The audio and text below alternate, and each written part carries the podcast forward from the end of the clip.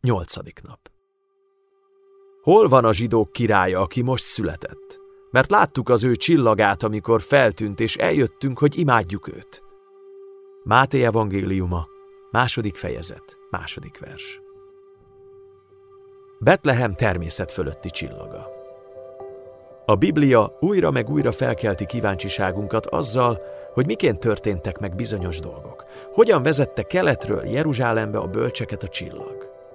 Nem azt olvassuk, hogy Jeruzsálembe menet vezette őket, vagy előttük ment, hanem csak azt, hogy keleten láttak egy csillagot. Máté 2.2, és Jeruzsálembe jöttek. Vajon hogyan ment előttük az a csillag a Jeruzsálemtől Betlehembe vezető rövid, 8 kilométeres úton, ahogy azt a Máté 2.9-ben olvassuk? És hogyan állt meg a fölött a hely fölött, ahol a gyermek volt? A válasz az, hogy nem tudjuk.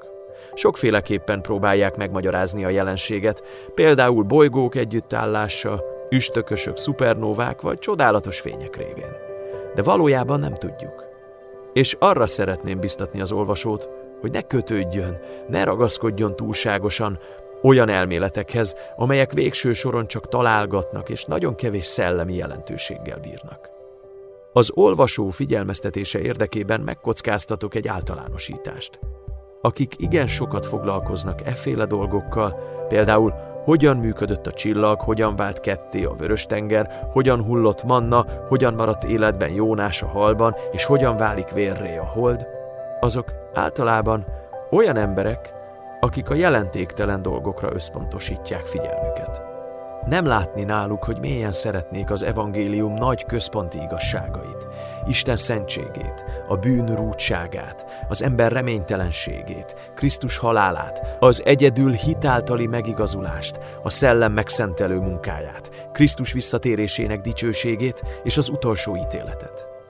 Mintha mindig mellékvágányra vinnék az embert valamilyen mellékes dolgot tárgyaló új cikkel vagy könyvvel, amelyért nagyon lelkesednek nem igen örülnek a nagy központi valóságoknak.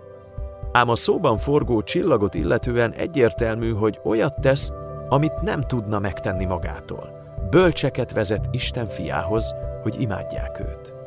A bibliai gondolkodásban csak is egy valaki állhat a csillagok elviselkedése mögött. Maga Isten. A tanulság tehát világos.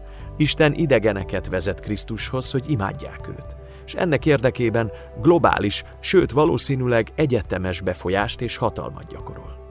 Lukács bemutatja, hogy Isten az egész római birodalmat befolyásolja, és így a népszámlálás épp a megfelelő időben érkezik ahhoz, hogy egy jelentéktelen szűz Betlehembe kerüljön, a szülésével beteljesítve a proféciát. Máté pedig bemutatja, hogy Isten az ég csillagait befolyásolva vezet Betlehembe egy maroknyi idegent, hogy imádhassák a fiút. Ez Isten terve. Ő cselekedett akkor, és cselekszik ma is.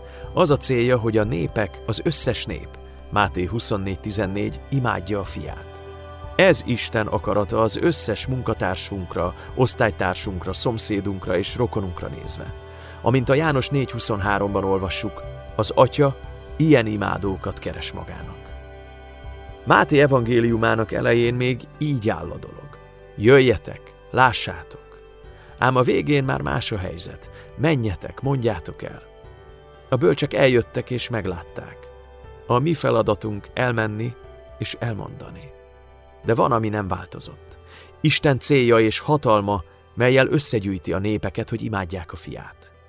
A világ létezésének célja Krisztus magasztalása, minden nép buzgó imádata révén.